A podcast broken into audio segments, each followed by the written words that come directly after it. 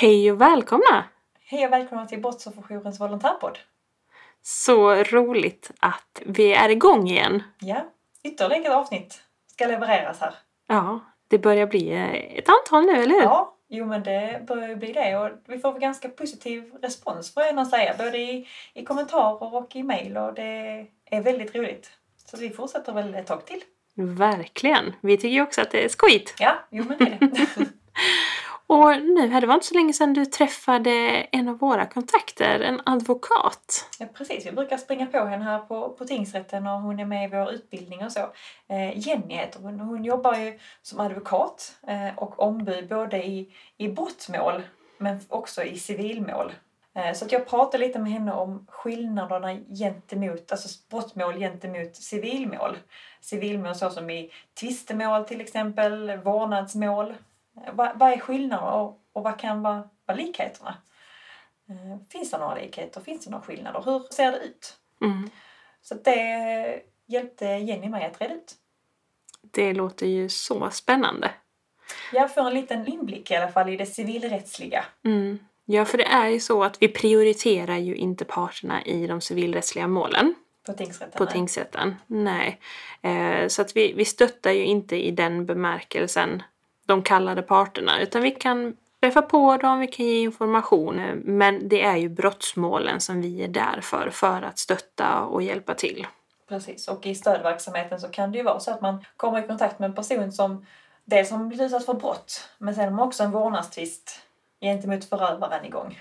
Mm. Eh, Och då kan det vara bra för både stödperson och, och vittnesstöd. Vi kan ju stötta på det i, i båda verksamheterna. Då kan man bara Mm. ha lite mer kött på benen gällande det civilrättsliga. Och det är, en, eh, det är ett garnnystan, kan jag säga. Det kan jag tänka mig. Jag ser så mycket fram emot att lyssna på, på det här avsnittet. Men då tycker jag att vi sätter igång direkt. Det gör vi!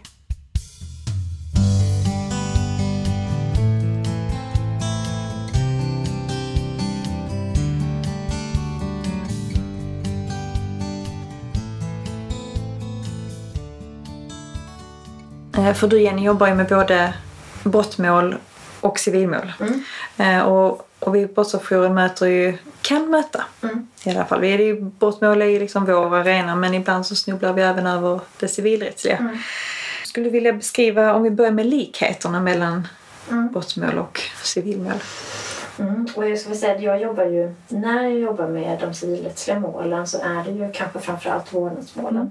Det finns ju en uppsjö av olika frågeställningar inom tvistemålssidan som man kan jobba och arbeta med. Men, men framförallt vårdnadsmål för mig.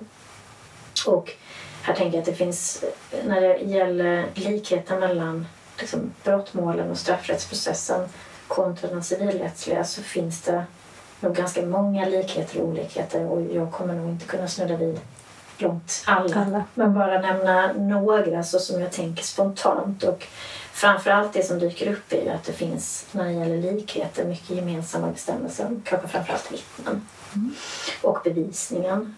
Vad som är tillåtet, vad som är otillåtet. Vittnets roll. Eden.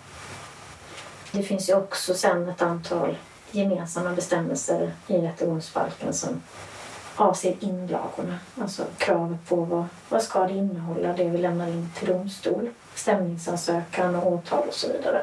Och sen har vi också bestämmelser kring rättegångshinder som är gemensamma kan man säga. Vad menas med rättegångshinder? Till exempel finns det skäl för oss att inte hålla en huvudförhandling. Är det något som gör att vi kan inte hålla huvudförhandling här idag? Kan det vara så att man menar att vi behöver höra ett vittne som inte kan inställa sig? Som är av så stor betydelse för den här förhandlingen att vi måste ställa in. Till exempel. Eller min klient är inte närvarande så att vi kan inte genomföra detta. Och så får man argumentera för det. Och det är bara några exempel. Och det här är ju bestämmelser rent processuellt i rättegångsbalken. För mig som ombud och advokat i liksom tvistemål och brottmål så finns det ju också vissa likheter. Och det handlar ju mycket om, om det här som jag nog snuddade vid kanske kring tystnadsplikt och så vidare och hur jag agerar som advokat och ombud i förhållande till min klient specifikt. Och vi ska arbeta lika nitiskt och, och tillvarata klientens intressen givetvis oavsett om det är brottmål vi jobbar med eller om det är civilrättsliga mål vi arbetar med. Sen är det ju också likheter på det sättet att vi har ju samma liksom, regler när det kommer till rättegången som sådan. Att vi har krav på offentlighet och det ska vara effektivt och en muntlighetsprincip såklart. Och givet är ju att ja, men domstolen ska vara oberoende parterna. Både i brottmål och i civilrättsliga mål givetvis. Så att det är ju lite mer gemensamt eh, oavsett om parterna utgörs av åklagare genom staten Eh, eller staten genom åklagare eller om det är bara enskilda individer som, som tvistar om en fråga. Och sen har vi ju samma instansordning såklart. Att vi har tingsrätt, vi har hovrätt, vi har högsta domstol och vi har en viss möjlighet att överklaga. Både i brottmål och i civilrättsliga ärenden såklart. Sen finns det ju en uppsjö, tror jag, av fler likheter givetvis. Men, men det är spontant det som jag tänker på. Mm. Du pratade om, om vittnets roll, att det var liksom likadant. Hur menar du med det? Vi, vi har en plikt att vittna Mm. om man blir kallad. Eh, Det finns undantag när man kallas som vittne. Och eh, huvudregeln är ju att vi avlägger ed när vi blir kallade att vittna. Det finns undantag från det också. Och det här regleras i rättegångsbalken. Det är också så kan man säga, och där kommer man kanske lite in på en olikhet. Mm. För att i tvistemål så är det ju parterna som åberopar vittnen. Och jag kan ju säga parter även i brottmål. Men där är ju ett vittne under utredningen redan ofta hör då i förundersökningen när vi pratar brottmål. Så funkar det ju inte på samma sätt i tvistemål. Där är det ju oftast parten som tillsammans med sitt ombud bestämmer vad är det vi ska föra in i det här målet egentligen. Vad är det vi behöver bevisa? Och kanske då ta kontakt med olika personer man menar kan styrka det man påstår. Och förbereda det vittnet såklart inför en kommande process. Där sker ju liksom ingen annan utredning på det sättet. Man får föra sin egen utredning. Ja, det blir det ju. Och, och det är ju en stor skillnad i förhållande då till, till brottmålen på det sättet. Mm. Och vittnet kanske då ofta är mer knutet. Kanske fel att säga knutet till någon av parterna, men lite så blir det ju. Och i brottmål kan man väl resonera lite på samma sätt. Att det är klart en åklagare sitter ju inte och åberopar ett vittne man inte tror kommer kunna hjälpa till att styrka ett åtal. Mm. Och på samma sätt så väljer ju inte en försvarare att åberopa ett vittne som talar emot klientens påstående om att man kanske är oskyldig. Mm. Och så gör man ju på samma sätt lite grann i, i tvistemål, Mm. såklart. Mm.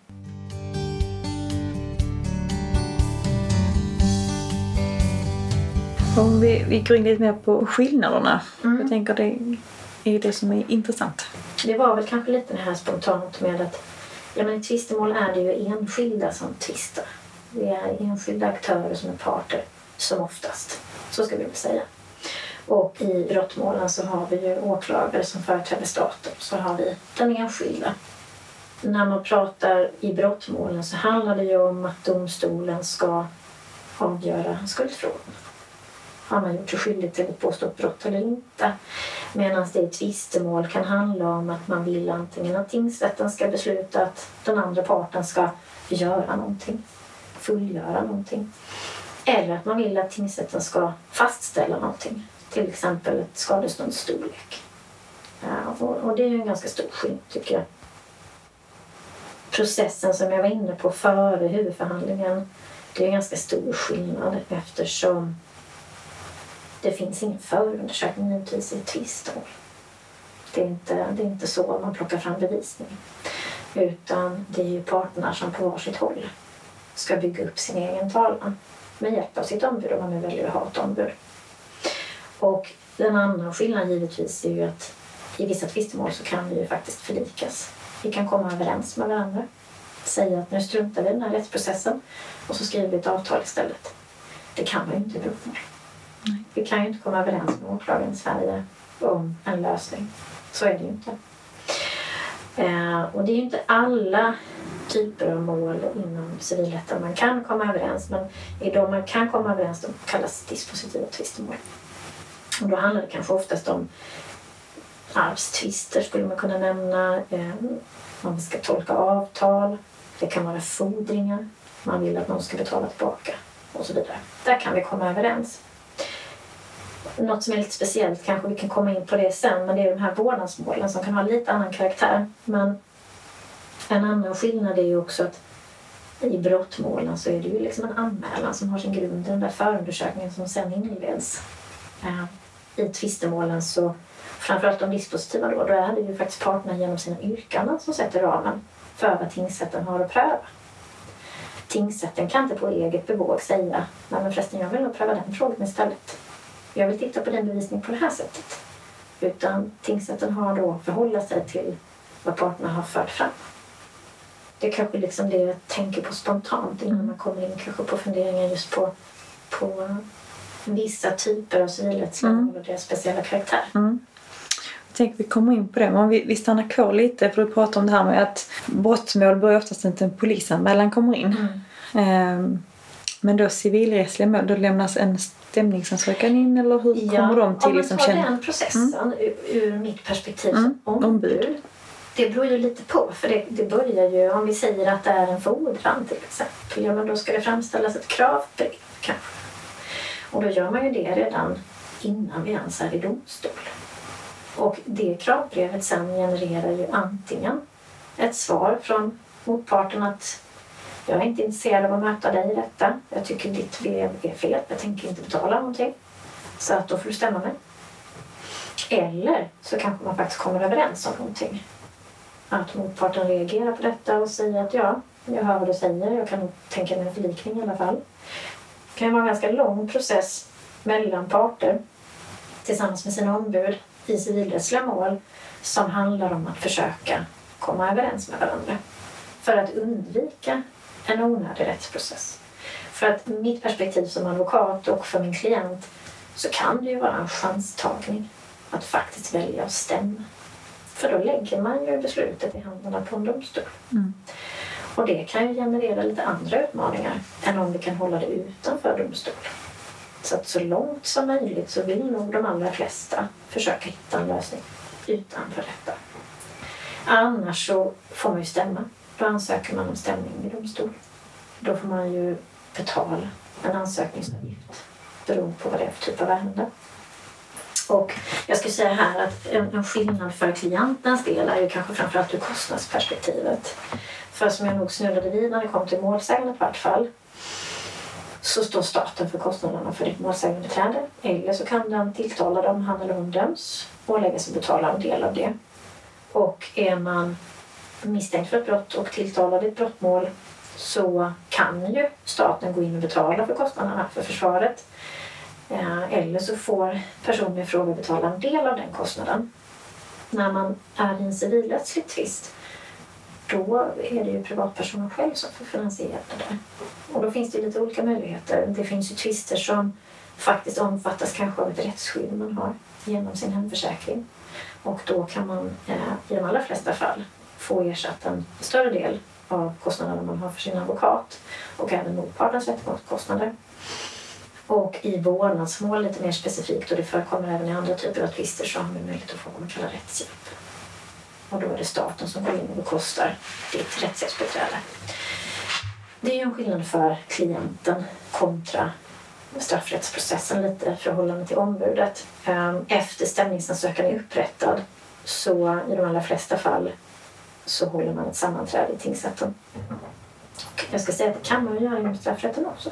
Mål kan vara så komplexa att man faktiskt vill ha ett sammanträde innan en huvudförhandling för att reda ut lite partställning, kanske reda ut frågetecken kring bevisuppgifter. Eh, det kan vara så många tilltalade i ett mål att man måste helt enkelt göra så för att det inte ska bli alldeles för besvärligt i samband med en huvudförhandling. Det kan vara så att eh, man vill ifrågasätta åklagarens bevisuppgift och då hålls ett sammanträde. Sammanträdet man har i tvistemål det handlar ju också om att reda ut parternas inställning och också faktiskt se om man kanske kan träffa en förlikning innan en huvudförhandling. Det fortsätts ju sen av en huvudförhandling. Jag vet att man kanske ofta eh, väljer att säga rättegång, ja, man säger huvudförhandling. Och eh, under den huvudförhandlingen så ska man föra fram sina yrkanden. Man ska hålla sin sakframställan och man har ett partsförhör, klienten. Och sen så har man åberopat, i de allra flesta fall, vittnen och kanske också en hel del skriftlig bevisning som man går igenom. Och när vi sitter i tvistemål så är ju rättens sammansättning lite annorlunda än vad den är i brottmål. Ehm, I brottmålen så har vi ju nämndemän i de civilrättsliga tvisterna så har vi oftast lagfarna domare. Vi kan ha en ensitt, då är det en domare. Vi kan ha en tresits, då är det tre.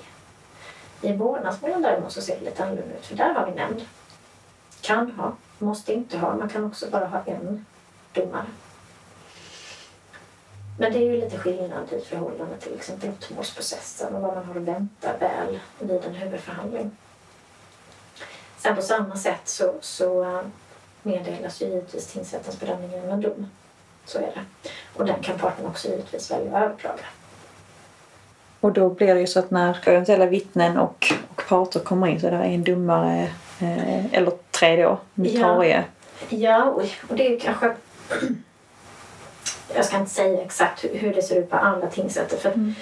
det kan säkert skilja sig åt men jag kan väl nog själv uppleva ibland att vissa salar används i regel till brottmålen. Andra används till de civilrättsliga målen, kanske lite mindre salar. Eh, I brottmål kan det vara påkallat att ha en säkerhetssal till exempel. Den behöver vi ju inte använda när vi sitter i civilrättsligt mål. Så. Jag vet att så är det här på Lunds tingsrätt. Ja, Mm. ja. Och det är ju samma princip om offentlighet så det är klart att det finns plats för åhörare men inte lika många i regel. Och beroende på vilken typ av ärenden, oftast kanske när man är i en vårdnadstvist och det ska hållas ett sammanträde så kan det vara så att man väljer att använda sig av vissa salar till och med. Just för att kunna liksom ha en lite närmre kontakt med varandra. Det blir en liten annan dialog mellan parterna och ombud vid den här sammanträdena Mm. än vad det blir då i en brottmålsförhandling.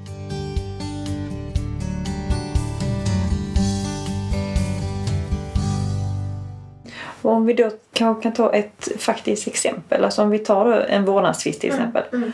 Hur, I stora drag, liksom, hur, går en, hur går en förhandling till? Mm. Där brukar jag själv när jag har vårdnadsärenden så en vanlig kanske missuppfattning också kan ju vara hur man initierar det där vårdnadsmålet och vad som faktiskt händer. Absolut, berätta. Ja, för oftast kan man ju tänka så här, ja men så stämmer vi och så svarar de andra och sen ses vi i tingsrätt.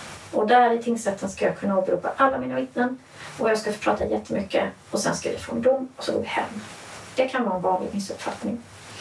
Vårdnadsmålen är inte så statiska utan de är ganska föränderliga. Oftast så initieras målet givetvis i tingsrätten på samma sätt. Man stämmer. Motparten blir svarande och får komma med ett svaromål. Och beroende på vilken typ av yrkanden du har så kan det ju vara mer påkallat att skyndsamt sätta ut till vad man kallar en muntlig förberedelse. Om jag har ett interimistiskt vårdnadsyrkande då tycker jag att det är akut påkallat att man ändrar nuvarande situation. Och då vill jag givetvis att vi ska ha en muntlig förberedelse så fort som möjligt. Och den där muntliga förberedelsen i vårdnadsmål den, den är ju också precis på samma sätt till eh, fungerar på samma sätt som sammanträdet egentligen. Att vi ska försöka reda ut vart vi står. I vårdnadsmål kan man vid den första muntliga förberedelsen se om parterna kommer överens. Och här har ju domstolen en liten annan funktion också. För att i vårdnadsmål så är ju fokus för domstolens bedömning barnets bästa. Så att även om man i vårdnadsmål faktiskt kan komma överens med varandra som parter så ska ju den överenskommelsen sen bedömas vara förenlig med barnets bästa. Så man kan inte hur som helst träffa överenskommelser. Och det gäller både innan eventuell muntlig eh, eh, Förbered. förberedelse tack, Mm. och på muntliga förberedelsen. Ja, det gör det. Och det är också lite beroende på... Vi, vi kan backa till det, för det händer ganska ofta att man kanske då parter emellan har skrivit ett litet papper. Och man säger att nu har vi kommit överens om att så här ska det vara. Och det kan man mycket väl ha gjort. Och det kan hålla sig alldeles utmärkt så. Men man kan inte verkställa det. För att det är inte stadfäst genom en dom. Och socialnämnden har inte godkänt det. Så vill man att det ska vara rent juridiskt bindande ska det avtalet ta en vända genom socialnämnden eller en vända inom tingsrätten. Och eh, där ligger ju just den här bedömningen. Är det här avtalet förenligt med barnets bästa? Sen är det ju väldigt fritt, upplever jag själv också sett utifrån praxis, att komma fram till vad är barnets bästa till exempel när det gäller umgänge. Är man två föräldrar som jobbar natt på olika sätt, ja men då måste man hitta ett schema som funkar för det och sådär. Så det kan ju vara en stor skillnad. Men tingsrätten ska göra den bedömningen. Men som klient då i vårdnadsmål så tänker man som sagt gärna ofta att det är den där första muntliga förberedelsen. Här lägger vi fram allt vi har. Det, det är inte riktigt så. Vi kan inte åberopa någon bevisning i det skedet än. Vi kan synliggöra material för tingsrätten, men vi håller inga vittnesförhör. Och parterna pratar sällan själva. Det är bara egentligen vi ombud som pratar. Kommer man inte överens, och det här är lite upp till domstolarna att bestämma hur de vill att den här muntliga förberedelsen ska gå till. För ibland kan det vara så att man säger att Nej, men nu börjar vi med fem minuter och då ser vi om vi kan komma överens här. Vi inleder med det. Vi kanske pratar enskilt med parterna och domaren och ser, kan vi komma överens, i alla fall tillfälligt, tills vi har nästa muntliga förberedelse. För det är nämligen grejen med de här vårdnadsmålen att oftast träffas vi flera gånger innan en huvudförhandling. Även om det kanske inte är önskvärt så i vissa fall är det oundvikligt. För det kan ju vara så att man kommer överens om att vi ska testa ett umgänge till exempel. Och så säger man att ah, vi testar det i tre månader och så ses vi här igen för att liksom utvärdera det. Och då har man en ny muntlig förberedelse. Sen löpande under hela den här processen så kan man liksom komma in med nya yrkanden. Och det är också lite speciellt för då behöver man inte stämma på nytt. Utan då sugs det upp i det pågående målet och vi kastar in nya interimistiska yrkanden. Så att det kan ske en prövning hela tiden vilket gör att de här målen är ganska föränderliga. Efter man sedan har varit på, vi, vi tycker oss vara nöjda med en andra muntlig förberedelse, ja då är tanken att man kanske då ses på den här huvudförhandlingen. Och när man då är nöjda med, mm. då har man på något sätt kommit fram till någonting som sen ska bedömas eller? Det kan ju vara så att man faktiskt inte, det kan ju vara så att man har testat ett sätt. Och oftast rör ju sig processen, upplever jag, mycket framåt beroende på var man liksom landar i de olika skedena i processen. Har man kanske på den muntliga förberedelsen ett kommit fram, om ett visst, kommit fram till ett visst umgänge då kanske nästa steg är att utöka det umgänget. Eller så säger man att nej, vi får stanna vid det här umgänget och sen får det så att säga utvärderas av domstolen. Funkar det? Kan vi behålla det så här eller ska vi inte? Det som också är speciellt i vårdnadsmålen är att där får ju tingsrätten en egen utredning genom att man ofta uppdrar åt socialnämnden att faktiskt genomföra en vårdnad, boende och umgängesutredning. Ibland kan det bara vara en vårdnadsutredning om det är frågan som är i fokus men oftast kanske man väljer ett helhetsperspektiv. Och då är det med hjälp av familjerättssekreterarna på familjerätten som utför då utredningar. Och det här är sedan ett material som tingsrätten använder för att kunna avgöra vad är förenligt med barnets bästa i det här fallet. Så att man inte bara lyssnar på vad parterna har stoppat in i målet utan här har man också en extern bedömare som kommer liksom med sin sakkunskap. Så det är ju ganska stor skillnad i vårdnadsmålen kontra andra tvistemål att man gör på det sättet. Men väl sen under huvudförhandlingen så finns det ju liksom inga hinder för en, en tingsrätt att tycka att ja, men vi hade beslutat att kärnan skulle ha boendet här men det har inte funkat så vi ändrar tillbaka. Så kan det ju vara. Det finns inget formellt hinder för det. Utan fokus för beslutet ska ju vara barnets bästa hela tiden. Man kan också givetvis överklaga en tingsrättsbeslut i vårdnadsmål. Där krävs det däremot ett prövningstillstånd i hovrätten. Och det är inte jättelätt att få prövningstillstånd. Kanske än mer i vårdnadsmål. I alla fall upplevs det så från mitt perspektiv att det är ganska svårt att få till det. Och vi har ganska lite praxis från Högsta domstolen i vårdnadsmål. Eh, vilket också gör det lite tungrot ibland. Så att, eh, jag hoppas på lite mer förändring där. Får vi se. Mm. Mm.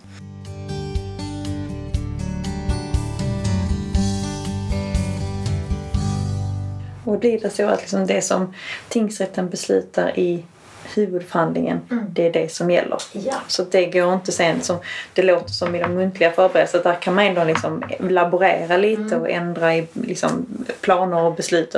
Men det som tingsrätten har sagt i huvudförhandlingen, det är det som gäller. Det är ju den domen man landar i mm. och den ska ju sen kunna verkställas och genomföras. Sen händer det ju faktiskt för att det är en ganska speciell karaktär med familjerättsliga mål. För livet är föränderligt och, och ibland innebär att vi kanske måste anpassa oss efter det också mer än vad livet får anpassa sig efter oss. Och då kanske parter faktiskt efter en tid känner att nej, vi har en dom men nu har vi faktiskt testat den och det blev inte vad någon av oss hade tänkt.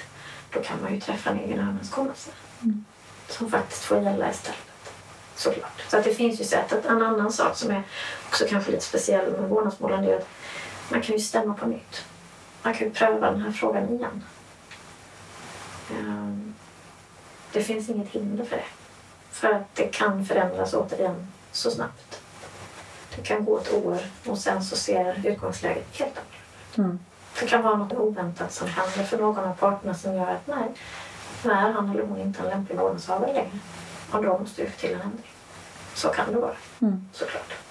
Och det, om jag förstår det rätt, skiljer sig från de andra tvistemålen. Då man redan har prövat en sakfråga som inte ska prövas en gång till. Mm. Som redan redan utredd. Mm. Som en fordran till exempel. Ja, Mm. vi har prövat den, kan inte pröva den två. Mm. Så det är en stor skillnad.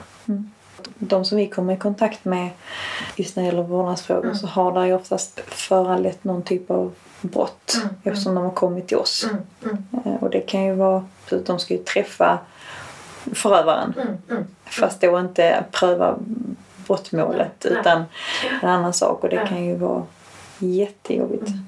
Här finns det ju sätt för oss ombud också att hantera den situationen. Man kan ju sitta på något man kallar brygga. Man sitter på en dold länk i förhållande till tingsrätt. Man kanske inte vågar vara på samma ort och då får man inför huvudförhandling eller inför muntlig förberedelse förbereda tingsrätten på det. Vi vill närvara på länk. Det ska vara brygga så att det inte är synligt var vi sitter. Så att personen i fråga inte kan ta reda på vilket skyddat boende som kanske ligger närmast. Um, ehm, och det är ju ett sätt att trygga också rent praktiskt processuellt klienten i den situationen. Att man inte ska tvingas närvara i samma rum. Så att den möjligheten finns ju också mm för ombudet redan från början. Det kan vara bra för er att känna till att man kan säga det till de här klienterna. Och kanske oftast kvinnor i utsatta situationer att det finns den möjligheten. Och har personen inte ett ombud så tycker jag i, i vårdnadsmål, jag säger inte för att jag jobbar som advokat, men jag, jag skulle under alla förhållanden rekommendera att man försöker anlita ett ombud. För att det är en process som är väldigt föränderlig och den ska inte vara känslostyrd. Men det är ju lätt att den blir det om man kanske inte har en advokat som kan säga det här är kanske inte relevant just nu. Det kanske hör till en annan process. Ja, Men den här frågan ska vi fokusera på. Och det blir man ju i förlängningen väldigt hjälpt av. Men också just de här sakerna. Att ja, men måste jag sitta i samma rättssal? Nej, vi kan rent processuellt lösa det. Faktiskt också. Så det kan nog, tycker jag, vara en, en bra idé att man ska faktiskt försöka hitta ett ombud. Även i vårdnadsprocesserna. Definitivt. Och var det rättshjälp Ja, gällande just man- vårdnadsfrågorna? Rättshjälp kan man tillämpa i vårdnadsfrågor eller då rättsskydd. Och jag kan säga att det finns vissa begränsningar i framförallt rättshjälpen som handlar om att du får inte ha en inkomst som överstiger ett visst årsbelopp, 260 000. Och den nivån är ju ganska liksom lågt satt kan man säga. För många kanske man lätt kommer över där. Precis. Och då täcks man inte av rättshjälpen helt plötsligt. Då kan man ju, i första hand är det också så, det oavsett vad så ska man ju uttömma möjligheten kanske genom sitt försäkringsbolag. Och då har man det här rättsskyddet man kan använda sig av. De allra flesta försäkringsbolag har 20 procent som en självrisk som du ska betala. Det är ju en jättebra förmån att ha i sin hemförsäkring. Och har man då inte detta så kan man försöka ansöka om rättshjälp. Och det är ju ditt ombud som ska hjälpa dig med de här frågorna. Så att du ska inte känna som när du väl har ett ombud att du, att du ska behöva råda med detta själv. Utan det ska ju advokaten hjälpa till, såklart. Och det är också en sån fråga som, som har blivit, kanske i vårdnadsmålen då, viktig för att man behöver ett ombud. Det gör man, men man ska också kunna betala för det. Och ofta så har man inte så stark privatekonomi. Och det gör ju kanske tyvärr att en del personer väljer att inte ha ett ombud. För att man upplever att nej, men min ekonomi reder inte detta. Och det är en jättestor utmaning. För många kan jag tänka mig. Um, då, hoppas jag att man kan komma i kontakt och kanske åtminstone få ett inledande möte. Och att man kanske faktiskt kan lägga upp någon form för avbetalningsplan med sitt ombud. Eller man kanske kan få rådgivning på olika sätt. Det är oerhört viktigt. Mm. Definitivt. Ja, och den sitsen sitter ju inte brottsat det på samma sätt. Nej, nej Som säger, annat när de har ett målsägande beträde. Ja, ja och, det, och det är ju det är ett annat utgångsläge såklart. Och det kanske också ska vara det på det sättet. Det är ju staten också som företräds av åklagaren och om man utreder brott och om man har skyldighet att göra det, en allmänt åtal och så vidare. Så att det vore ju också oskäligt kan jag tycka om att målsägaren skulle behöva betala för sitt eget målsägandebiträde. Mm. Absolut. Och jag tänker, här kan ju vara två processer samtidigt. Dels liksom, om vi nu är kvar på, Mm. på vårdnads, Mm.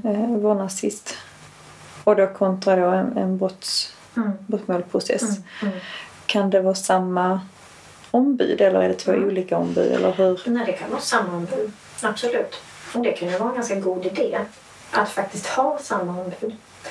Sen är det ju inte alla advokater som jobbar med just de här rättsfrågorna så det får man väl kolla av först. Så att man inte kanske bara väljer samma advokat man har som målsägandebiträde bara för att det är smidigt. Utan det är ju viktigt att ens advokat faktiskt kan Mm. det rättsområdet också.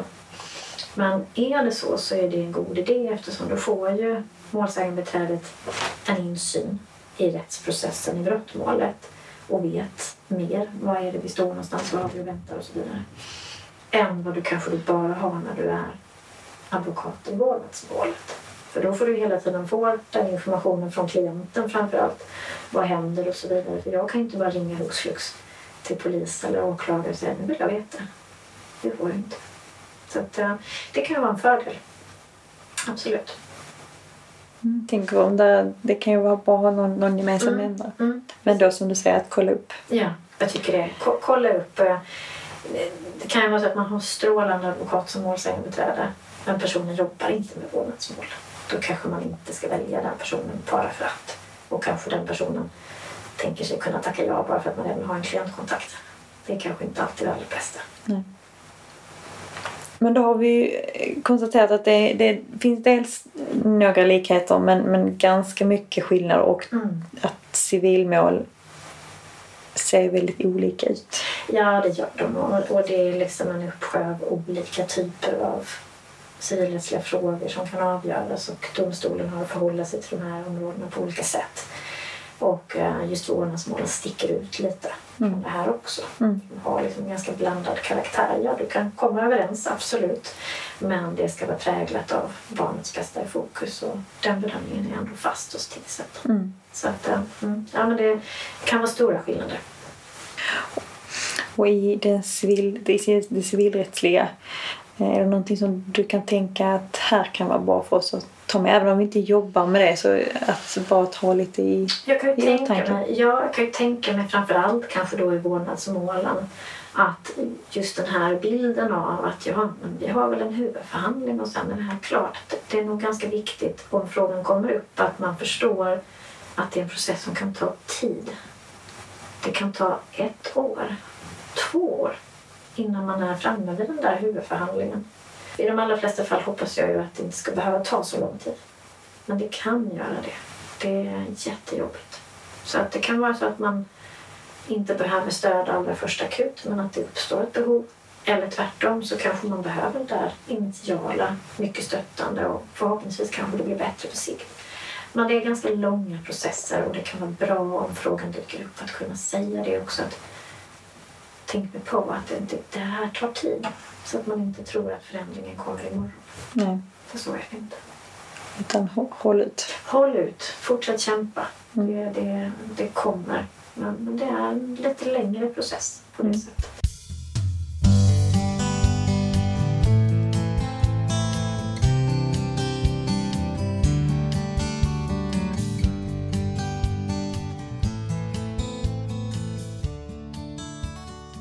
Då har vi tagit oss igenom det. Ja, verkligen. Det var eh, väldigt snårigt som du var inne där i, i introt. Att eh, förstå sig på det här med civilmål och hur olika det kan se ut. Ja, precis. Både civilmål kontra brottmål men också inom civilmålen Ja, ser det ju väldigt olika ut. Verkligen. Alltså just med vårdnadstvisterna kontra andra tvistemål som fordringar och liknande.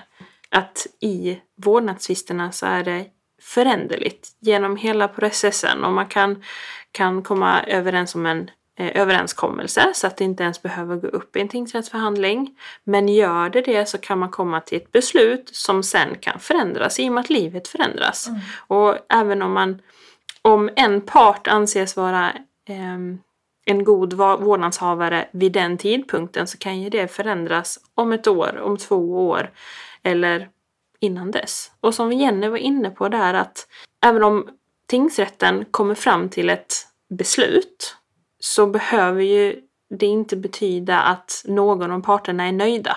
Och då kan man gå tillbaka och få ett, ett nytt beslut eller att de möts och de kommer fram till en överenskommelse istället som gäller istället för domen. Precis.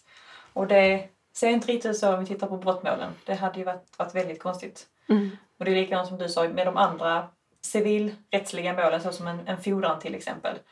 Att där du prövar liksom om fordran och antingen så är det gott utfall eller dåligt utfall beroende på vilken part du är. Mm. Men sen är det, sen är det klappat och klart. Mm. Det är så det är.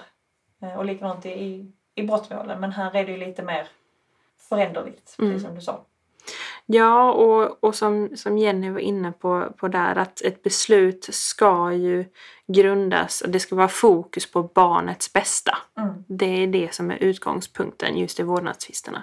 Exakt, och man har ju dessutom men lite som en, en polisutredning fast ändå inte, det är familjerätten som, som har hand om den utredningen. Men då har ju domstolen inte bara det som parterna lägger fram men också en, en oberoende part som har varit och tittat och ska se till barnets bästa. Mm. Eller oberoende, oberoende, de ska se till barnets bästa men oberoende så till att parterna, de representerar inte någon part utan de är oberoende eh, parterna. Och det är inte heller till en fordran till exempel. Det verkar inte som att det var fallet där. Mm. Eh, Men i vårdnadsmålen så är det ju så. Mm. Så att det ser lite olika ut. Dessutom så är en, en stor skillnad gentemot brottmålen är ju att ombuden är inte betalda av staten. Nej. Eh, och det var som Jenny var inne på det här, den ekonomiska frågan, just rättshjälp då som är någonting som man kan ansöka om eh, på, hos en tingsrätt och då att man får, får beslut från dem om det är så att man är beviljad eller inte. Och den lilla summan det faktiskt man ska ha varje månad för att man ska vara berättigad det. Eh, snabbt uträknat så var det väl 21 000 kronor i månaden. Ska man, och under det, tjänar man det så lite så får man rätt, eh, har man rätt till rättshjälp. Mm. Men över det så har du inte rätt till rättshjälp utan då får du hoppas att rättsskyddet som omfattas av din, eh, din hemförsäkring, att det, det täcker. Men även där var det ju en del som skulle betalas. 20 Precis, 20 procent av eh, kalaset ska ju parten betala själv. Mm. Mm. Precis, och det är i en föränderlig process, process som Jenny talar om, framförallt här med vårdnadstvisterna. Och det kan ju pågå hur länge som helst. Och det sa Jenny också, det de kan förbereda sig på ett, två år och det Mm. kan ju bli ganska omfattande kostnader. Mm. Eh, Så att 20 procent kan ju vara, vara en del. Mm. Verkligen. Så det är ju en, eh, en väldigt stor skillnad Mm. gentemot målsägande beträde. Mm. Som betalas av staten. Exakt. Mm. Precis. Och vi kan också komma tillbaka till det här som vi pratade om i början, att mål. Mm. Eh, Men det kan ju vara så att vi kommer i kontakt med olika civilrättsliga mål när vi har kontakt med en- brottsutsatt vittne eller anhörig. Mm. Eh, Och då hoppas vi att det här avsnittet, även om det, ni förstår att det är ett riktigt snår av olika vägar. Det kan vara så och det kan vara så och sen kan det vara alternativ C och sen kan det vara alternativ D. Så har man i alla fall fått ett litet, ett litet smakprov. Mm. Eh, Så vi hoppas att det ger er någonting i liksom kontakten med, med era brottsutsatta och, det, och vittnena och anhöriga. Eh, Och vi ska ju fortsätta på träffa Jenny. Ja, det ska vi. Mm. Eh, Då ska vi prata mer om liksom målsägandet, beträdets roll och försvarsadvokatens roll. Eh, Och grotta ner det endast med brottmål. Mm. Så då drar vi inte in det andra utan då håller vi oss i vår egen manege. Exakt. Men vi hoppas att fram till dess att det här avsnittet gav er, gav er någonting. Mm. Och att ni har lärt er någonting nytt idag. Det har, det har jag gjort. Och jag antar att du också gjort det när du har lyssnat. Det har jag verkligen gjort. Mm. Eh, Och som sagt, hör, hör av er om det skulle vara frågor eller det, ni behöver förtydligande eller ni har kanske någon idé om något framtida avsnitt. Vi tar gärna ut idéer. Det får ni jättegärna göra. Så mejla oss eller ringa oss. Precis, Brottsofferjouren Mellersta Skåne kan ni googla så kommer våra kontaktuppgifter fram. Fram till dess får, ni, får ni ha det bra.